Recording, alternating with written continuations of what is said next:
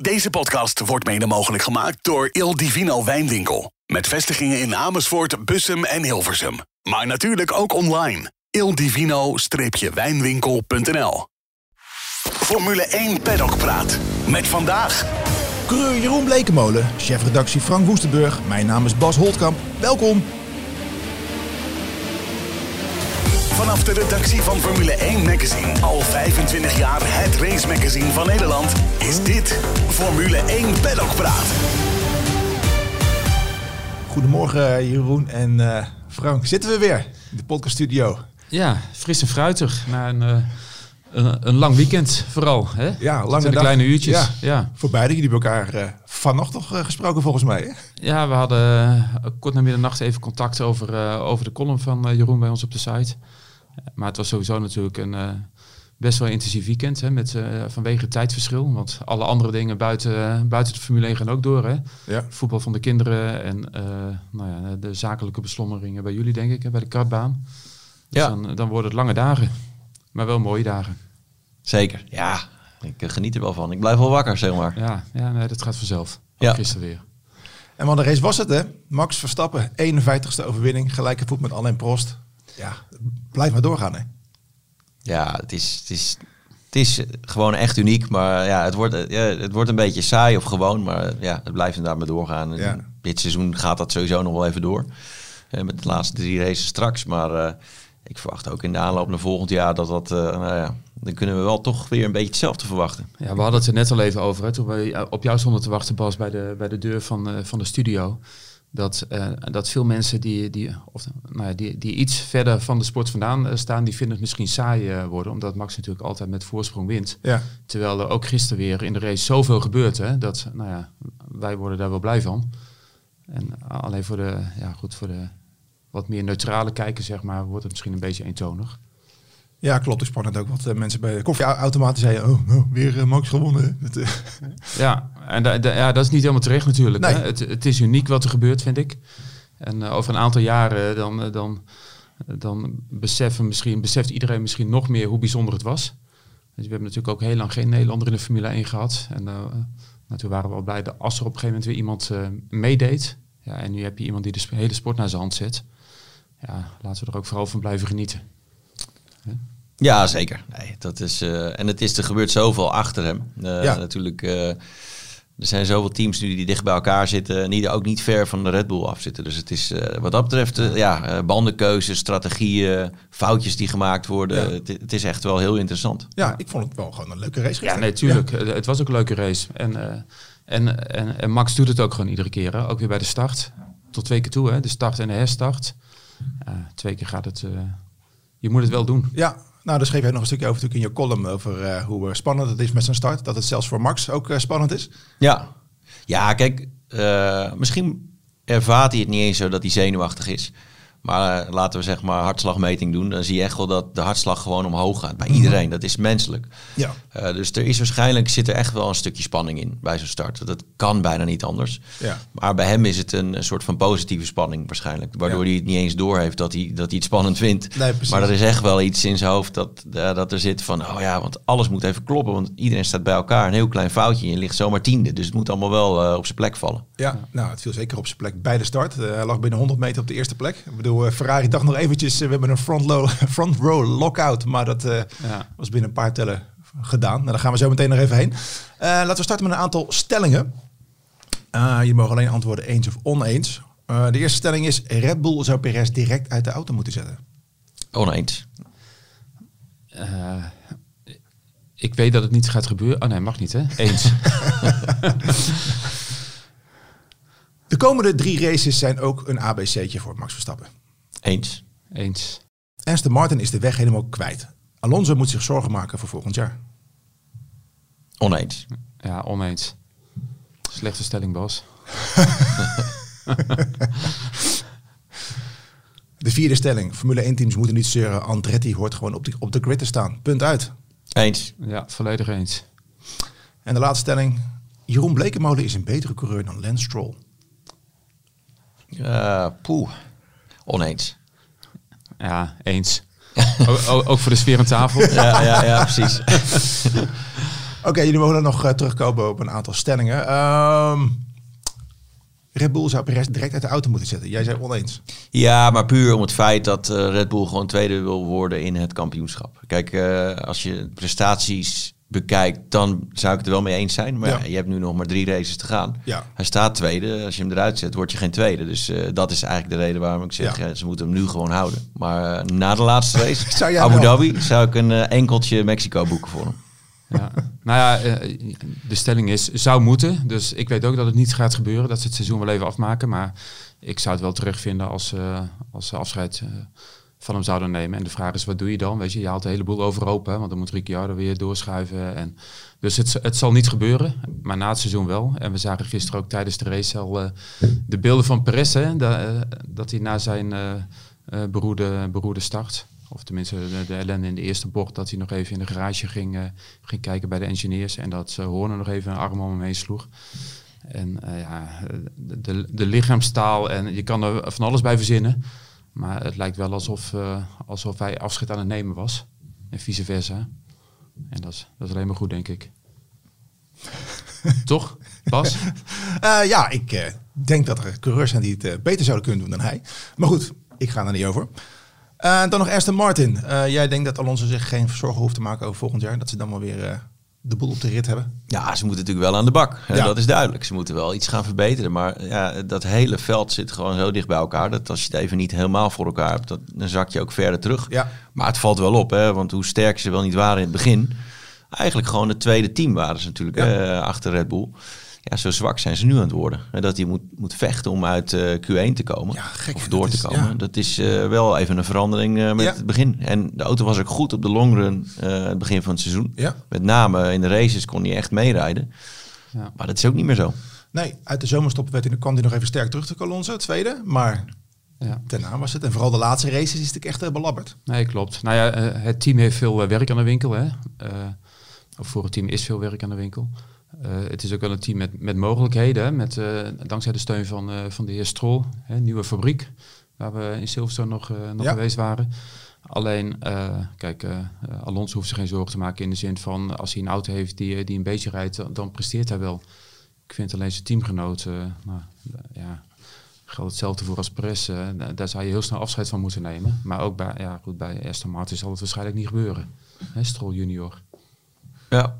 Nee, ik las net wel een heel wild gerucht. Maar goed, het is een gerucht. Eh, er zijn een aantal journalisten die zeggen van... eh, ik heb dingen gehoord en ik eh, kan niet geloven dat het zo is. Bla, bla, bla. Ze willen niet helemaal vertellen wat er aan de hand is. En nu houdt er iets op dat Lawrence Stroll het team gaat verkopen... en dat Alonso het team gaat verlaten. Ja, ja, dat is een mooi gerucht. Ja, het, Ja. Maar, het kan natuurlijk zomaar, want eh, het, ja, het is wel, we hebben het hier wel over Stroll, hè, die Ja. gewoon eh, hele aparte stappen kan nemen, die hij ook al heeft genomen hè, met verschillende teams en Ja, best wel van, van de hak op de tak eh, gaat. En eh, ja, als zijn zoon het heeft gehad. en daar lijkt het wel een beetje op. Ja, Ja, ja. al- ja, als je geen plezier meer beleeft aan, aan je hobby, ja, dan kan je beter een andere hobby zoeken. Dus misschien Ja. gaat hij wel iets met, weet ik veel, bootjes doen of zo. Ja, of, ja, kan. ja. Ja. Maar goed, het zou wel eh, bijzonder zijn natuurlijk. Net alles helemaal opgebouwd, grote fabriek neergezet. Maar goed, ja, aan de andere kant, er zijn genoeg kamers op de kust die natuurlijk interesse hebben. Nou, het is wel leuk dat al, alle, alle geruchten weer op gang komen. Hè? Ja. Straks krijg je weer... eh, nou ja, Marco riep eh, laatst al, hè, van de, e- de, het e- de enige serieuze optie voor, bij Red Bull voor Perez is Alonso. Nou ja, als Alonso eh, op de markt komt, hè, ja. ja. zou een mooi duo zijn. Dat zou heel mooi Betekent ook Heibel in de tent, denk ik. Ja, ik denk, nou ja, ja, ik ben benieuwd hoe dat zou gaan. Ja. Verstappen, Alonso. Ja. Spannend. Ik, ik, ik denk dat Alonso dat eh, ook aflegt. Dat weet ik eigenlijk wel zeker. Ja. Maar dat is niet makkelijk. Ja, hij is natuurlijk ook gewoon 42. Nee, dat is waar. Dus- Dat is Ja, en het, eh, het, eh, het hele team is nu ingericht op Max natuurlijk. ja. Maar als hij zich in een soort tweede rol zou willen zetten, Ja, dat, dat, zit niet in hem. nee, dat zou je niet willen, denk ik. Dus ik denk ook niet dat, die, dat dit eh, ooit gaat gebeuren. Nee, Nee. Ik denk het ook maar goed, niet. voor de kijker zou het natuurlijk fantastisch zijn. Als En we voor de twee- luisteraar. voor de luisteraar. Een podcast, eh, Bas. Maar als ik naar een race kijk. Ik luister Oh, niet naar Formule 1 race. Ik weet niet hoe jij dat doet. ja. Eh, en dan nog de, instelling waar je nog een beetje over twijfelde. Of jij eh, beter bent dan de Lance Stroll. Nou, als ik nu in een Formule 1 auto stap, dan is hij echt wel sneller. Eh, dat, eh, niet eens misschien.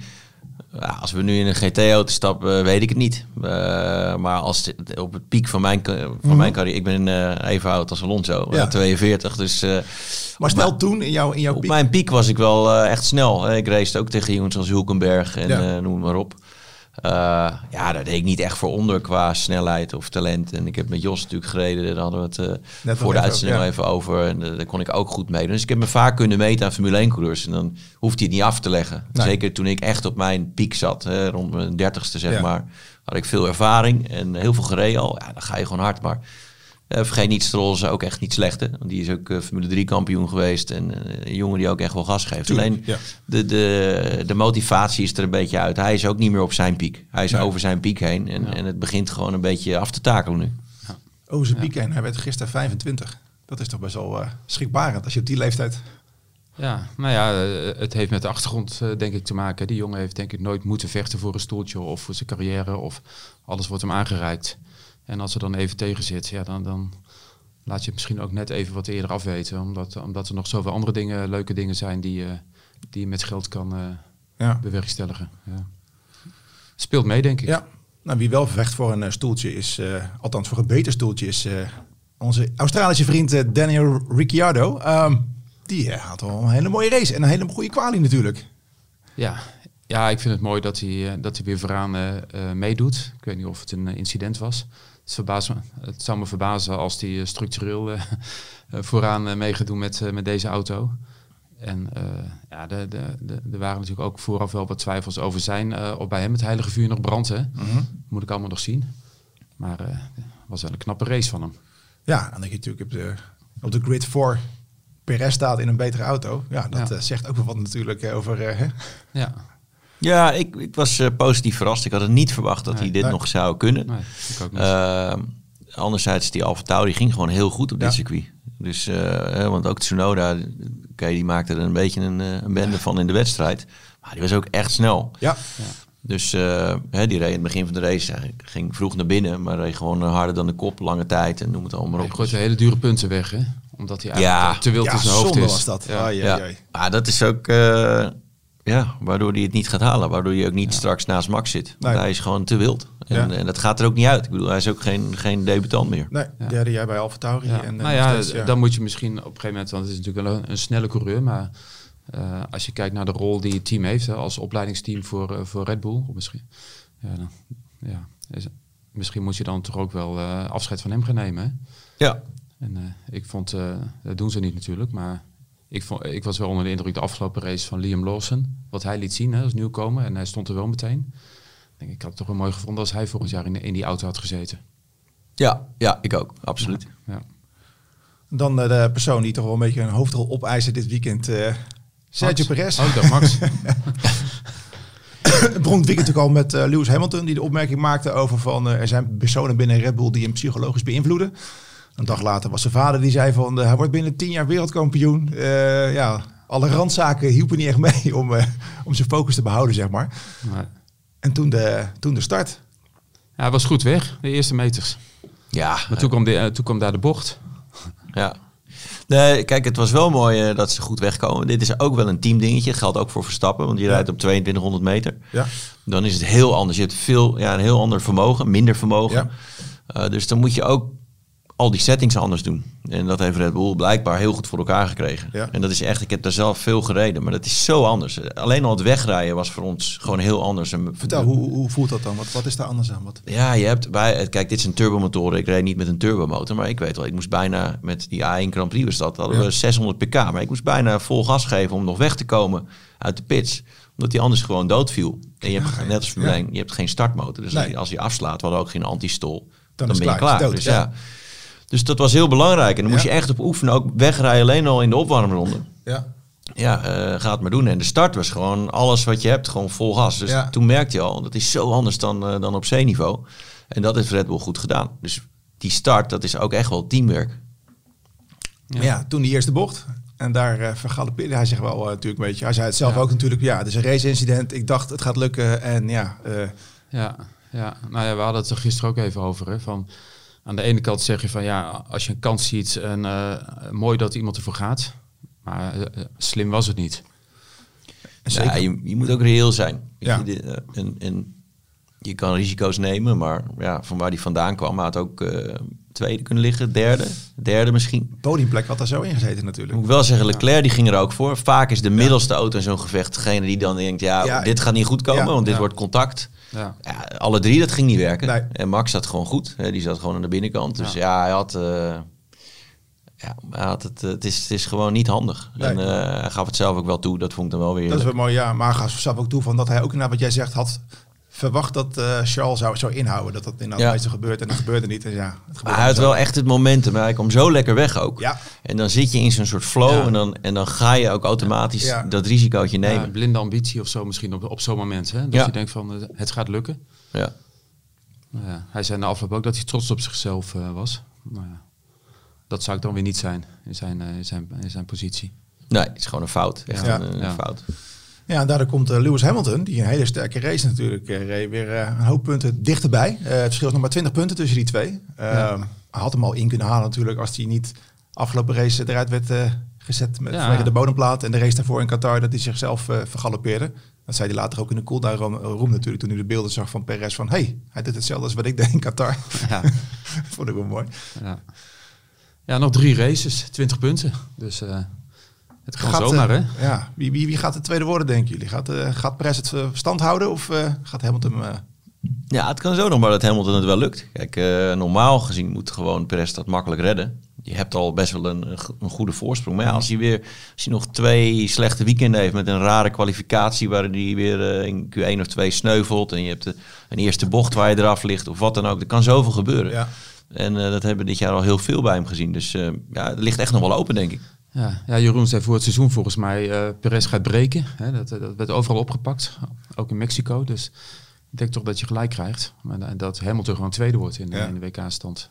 Ik kan me niet voorstellen, nou, tenminste, dat, dat Perez ineens zo, eh, zo stabiel eh, gaat rijden dat hij eh, de, de punten blijft sprokkelen. Ik denk dat, eh, dat Hamilton dat gewoon gaat doen. Zeker in Brazilië, hè, waar, waar Mercedes traditioneel wel, wel Ja, goed is. Zeker.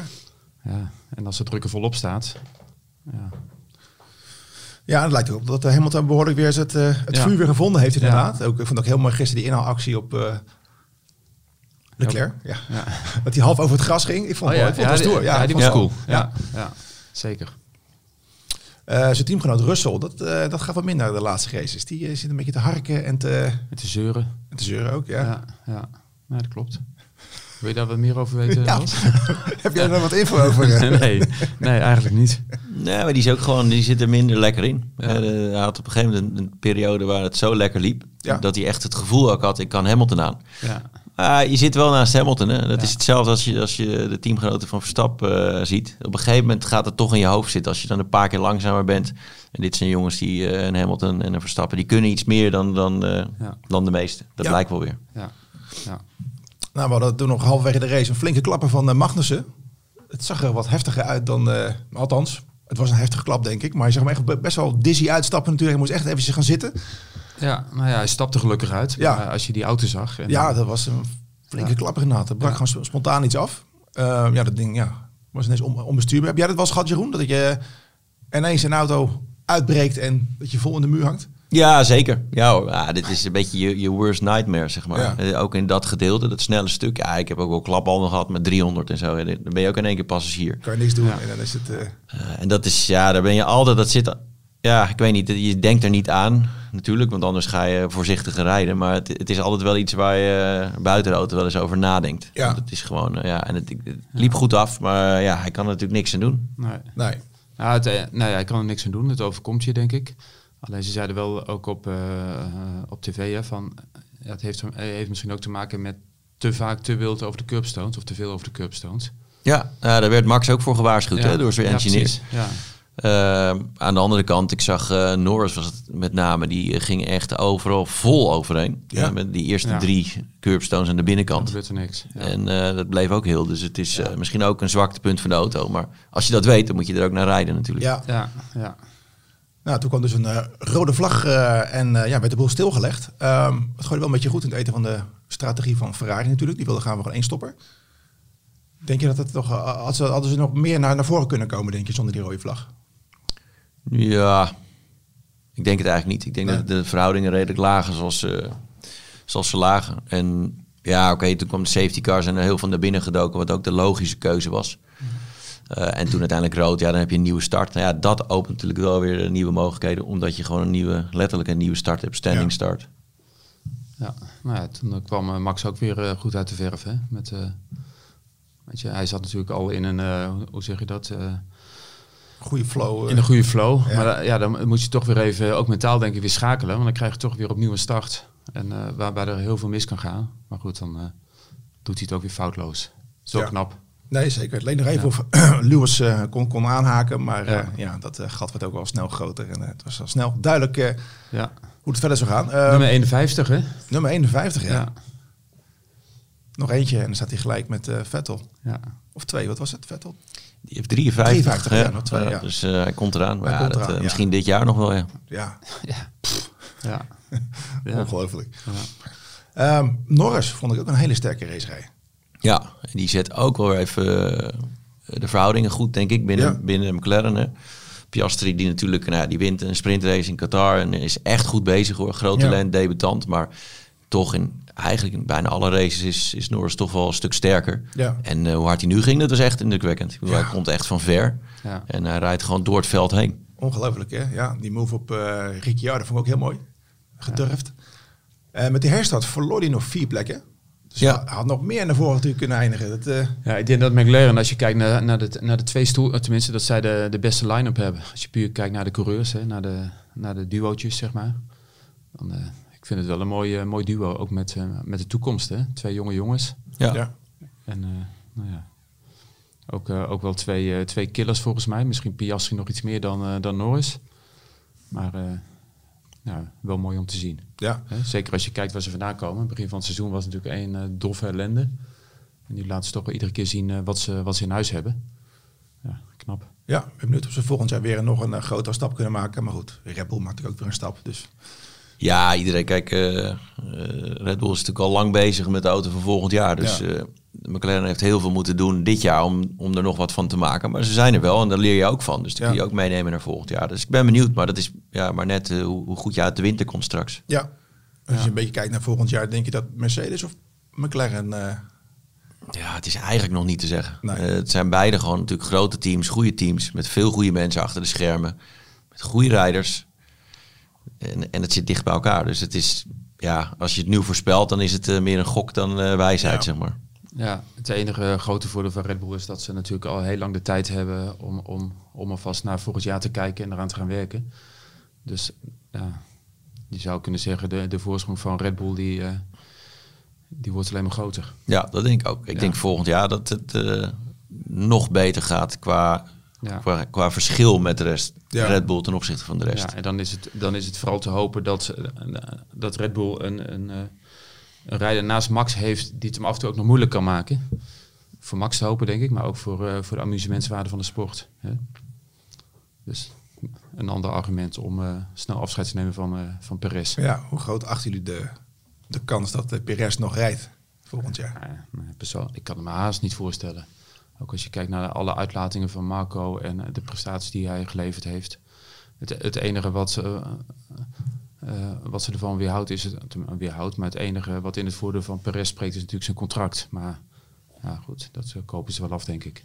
Ja, precies. Om het geld zal het niet draaien. Dit heeft ook niet met de budget cap te maken Nee. natuurlijk. Eh, dit kun je gewoon eh, buiten, dat, eh, bu- Ja. buiten die eh, cap kun je die eh, omwerken. Dus ja, het zou eh, niet kloppen als hij blijft eigenlijk. Zo zie ik hem. Het is, Ja. het is sport. En eh, hij heeft hele mooie jaren gehad. Want dat is eigenlijk wel een beetje het, eh, het vervelende, vind ik. Hij heeft gewoon, eh, die jongen heeft wedstrijden gewonnen. Mooie races Eh, gereden. Mooie ja. races gereden. Eh, Bahrein met een, met een, met een Racing Point gewonnen. Die heeft echt mooie dingen gedaan. Dus hij heeft gewoon een prachtige carrière tot nu toe gehad. Ook wel zijn waarde gehad voor Red Bull, hè? Denk maar aan Abu Dhabi, zeg maar. Ja, tuurlijk. Hè? Dus Ja, maar dus, dus het, het lijkt alsof hij weet je wel, heel, slecht nu de deur uitgetrapt wordt. Eh, maar ja, eh, je mag ook wel realiseren dat het gewoon wel eh, een topper is. Alleen er zijn mensen die nu, nou ja, zoals een Verstappen en, en er zijn anderen geweest in het verleden, die winnen dan zoveel dat hij een beetje ondersneeuwt daarin. Maar Ja. ik vind nog steeds wel, eh, hij was gewoon een groot talent. Alleen het is nu een beetje afgelopen. Ja, klaar. hij is kapot gemaakt, zoals Ja. ze dat zeggen. Ja. Eh, we hebben een aantal vragen binnengekregen van onze luisteraars. André Dongemans vraagt zich af, loopt Yuki gevaar als hij zo rijdt? En werkt het tegen als hij zo bij de hand doet bij de interviews? hey, André, weet je wie dat is? Dat is bekend van tv. André Dongemans. Ja, ja, ja. Amstel reclame. Ik ken André toevallig goed. Oh, Oh, Dus, eh, oké. van de Amstel reclame. oké. Luizenmoeder. Nou, trouw- Oh, die. Ja, ja, ja. Oh, die. ja. Nou Ja, hij is echt groot Formule 1 fan, weet ik. Nou, trouwe luisteraar eh, Ja. waarschijnlijk. Ja, ja, ik, Nou, ja, leuk, ja. eh, leuk André. Oh, Jeroen, kom er maar in. Ja. Eh, wat was de vraag eigenlijk? ik, hoor, ik was afgeleid door zijn naam. Loopt Yuki gevaar als hij zo rijdt? En werkt het tegen als hij zo bij de hand doet bij de interviews? Ja, ja, zeker. Nee, dit is, eh, nou ja, daar, daar hadden we het al een beetje over. Die, ja, eh, het is gewoon te wild, te veel. En, en het is, hij heeft nu wel ervaring. De, Ja. de, de scherpe randjes moeten er nu wel vanaf zijn bij hem. En, en hij is gewoon, hoe hij praat, dan weet je hoe hij erin zit in die auto. Hij is helemaal opgefokt. Ja. En dat is soms goed. Eh, dat moet je ook af en toe zijn. Maar hij zit volgens mij gewoon altijd. En, en nu gooide hij gewoon punten weg. En, eh, en, en de manier waarop hij praat en doet en reageert, zie je gewoon hoe dat gebeurt. Dat hij te wild is. Ja. Ja. Eens? Ja, eens. ja. Nog een vraag kreeg binnen van Remco 1981. Waarom nemen de toppers in Q1 tijdens de kwalificatie het risico om zo laat aan het einde van de sessie pas een tweede ronde te gaan rijden? Ze hebben in die paar tienen van de, dat de baan sneller wordt toch niet nodig in, de fase van, in deze fase van de kwalificatie? Ja, ik eh, vraag het me soms ook af. En je ziet nu eh, Red Bull vaak al net even wat eerder de baan oprijden. Ja. Logisch, want die Q1 die, die gaan ze wel halen normaal gesproken. Ja. Ja. Eh, met een gele vlag of een rode vlag. Er kan van alles fout gaan. Eh, de baan wordt vaak inderdaad ietsje beter. Maar eh, soms niet eens. Hè. Dat, Nee. Het hoeft niet. Er ligt wat meer rubber, maar het is ook niet altijd zo. De wind kan ook weer draaien of, of meer of minder worden. De zon kan gaan schijnen, net een wolk voor de zon. Maakt allemaal uit. Dus Ja. het hoeft niet dat het sneller wordt. Nee. Nou ja, en over het algemeen, eh, ze weten natuurlijk, natuurlijk precies hoeveel tijd ze nog hebben en wie waar op de baan zit. En de jongens op de baan geven elkaar ook wel de ruimte. Hè? Dus eh, ja, de, de, er kleven misschien een paar risico's aan, maar het is ook weer niet zo dat, dat het een wilde gok is natuurlijk om lang te wachten. Wat vonden jullie van het lange wachten in de pitstraat? Dat die jongens elkaar zo gingen ophouden? Ja, het is eigenlijk heel normaal. Het is iets wat, wat je als coureur vaak doet, want je probeert even dat gat al te creëren. Dus ik vind het niet zo schokkend, alleen het, gaat er heel veel over. En ze hebben er regels voor bedacht, je mag niet te langzaam. Dus daardoor is het nu wel echt een topic geworden Ja. voor iedereen. Het enige is, eh, het vervelende is eigenlijk, ze laten daar dan het gat vallen. En vervolgens rijden ze die, die outlap. Maar dan gaan ze op het einde van die outlap allemaal weer stilstaan. En dat is gewoon irritant dan. Want als je gewoon allemaal je plekje hebt en je doet dan een normale outlap met Ja. z'n allen, dan heb je die, die filevorming niet bij de laatste bocht. Ja. Of bij het stadion in dit Ja, geval. ja. Ja. Nou, dat waren de vragen. Heb je zelf een vraag of wil je dat we deze voor jou gaan beantwoorden? Mail hem dan naar podcast.formule1.nl en wie weet krijg jij het antwoord hierop. Frank, jij gaat eh, woensdag naar de volgende Ja, race. ja, zeker. Brazilië. Ja. Heb je er zin in? Ja, ik heb er zeker zin in. Ik vind Brazilië al, altijd wel mooi. Circuit is mooi, hè. En eh, ook de ligging naast... eh, Ja. ja. je moet een beetje oppassen s'avonds als je het circuit afwandelt, hè. Dus dat is wat een spannende... Nou ja, er gebeurt altijd wel wat. Hè. Er worden altijd wel collega's overvallen, van fotografen met name, met dure camera's. Of de, de busjes zijn wel eens beschoten. Hè. Ze- en voor mij is dat ook het enige circuit waar de, de organisatie busjes levert met, met, eh, met kogelvrij eh, glas. Dus het is een beetje oppassen. Maar het circuit zelf vind ik wel geweldig, moet ik zeggen. En er gebeurt ook altijd wat. Hè. Leuke races vaak. Het, is, het eh, weer ja. werkt vaak mee. Eh, werkt ook wel eens tegen. Ik kan me herinneren vorig jaar dat ik het circuit niet afkwam omdat het geregend had. En daaruit ging naar het circuit met dat tunneltje, zeg maar. Die was ondergelopen. Dus dan, toen moesten we via, uiteindelijk via de achterzijde over het circuit, door de Krottenwijk heen, eh, naar eh, zo'n favela Ja. eh, richting, richting de snelweg. En als je, dat, doen- als je dan daar onder politiebegeleiding stapvoets door die wijk rijdt, nou, dan zie je ook wel de, de, de, de armoede en de Ja. ellende en zo. Dus dat is dan ook wel weer, weer triest. Maar nou goed, los van het feit dat het een eindvliegen is en dat het kampioenschap al beslist is, het is wel altijd een race waar ik naar uitkijk. Ja, Jeroen, heb jij wel eens eh, over dat eh, circuit gereisd? Ja, het is een prachtig eh, circuit.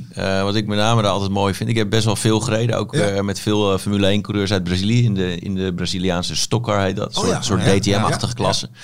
Ehm, en dan doen al die gasten mee. En Barrichello, Zonta, nou ja, noem ze gaaf, allemaal maar op. Piquet. Die rijden allemaal daar mee. Maar wat ik mooi vind, het is nog een, een ouderwets circuit. Het is een beetje, dat zie je op tv niet. En dat verbaasde me ook toen ik daar voor het eerst was. Het is gewoon eigenlijk een oude bende alles. hè. De, Ja, het pitgebouw. eh, Ja. het Het is helemaal niet mooi allemaal. Ja, maar dat is juist Maar mooi eigenlijk. Dat is het mooie, Ja, ja, het is precies. ook- Het is niet dat, dat weet je, het is geen... Het geen is niet zo gelikt als Nee. eh, Abu Dhabi of uh, het, Maar is wel je- het pure rauwe echte. Ja, je voelt de historie. En we hebben daar natuurlijk de, de race gehad met Senna die daar won. eh, hè, toen, ja. eh, En, en eh, half eh, op het podium nog maar kon staan. Ja.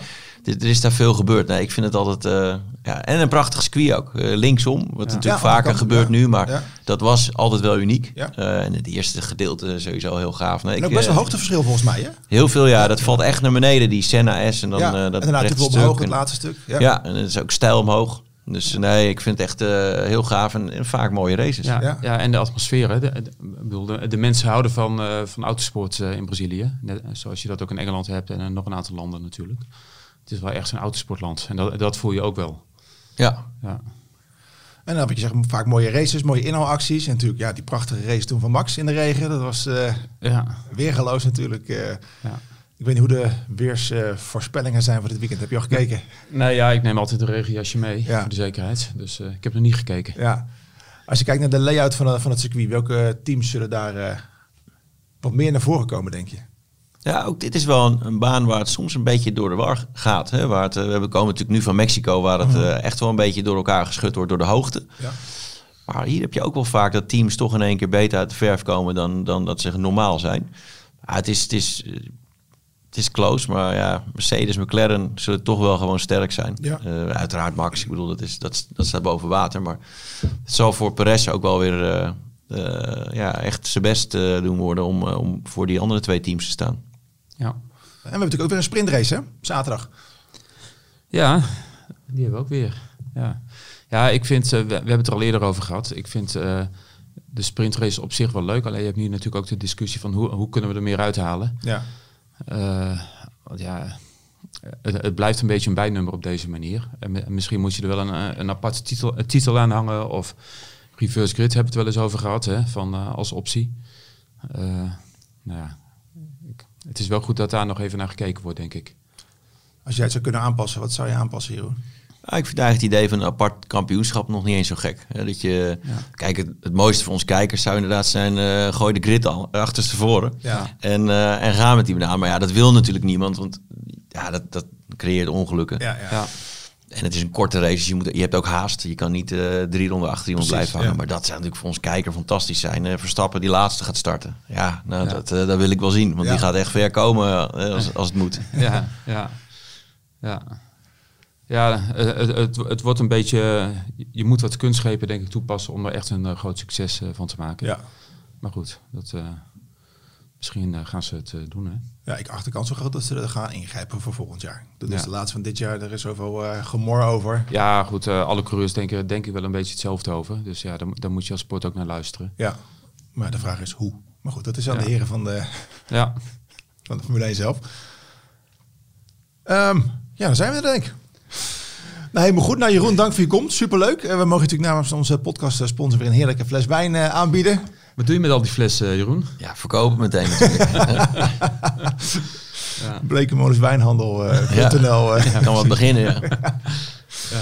Nou, eh, hou eh, de- website in de gaten en ook eh, onze podcast. Eh, vanaf vrijdag eh, is Frank daar eh, te horen met eh, de laatste updates eh, vanuit Sao Paulo. Tot de volgende keer. Hoi hoi. De uitloopstrook.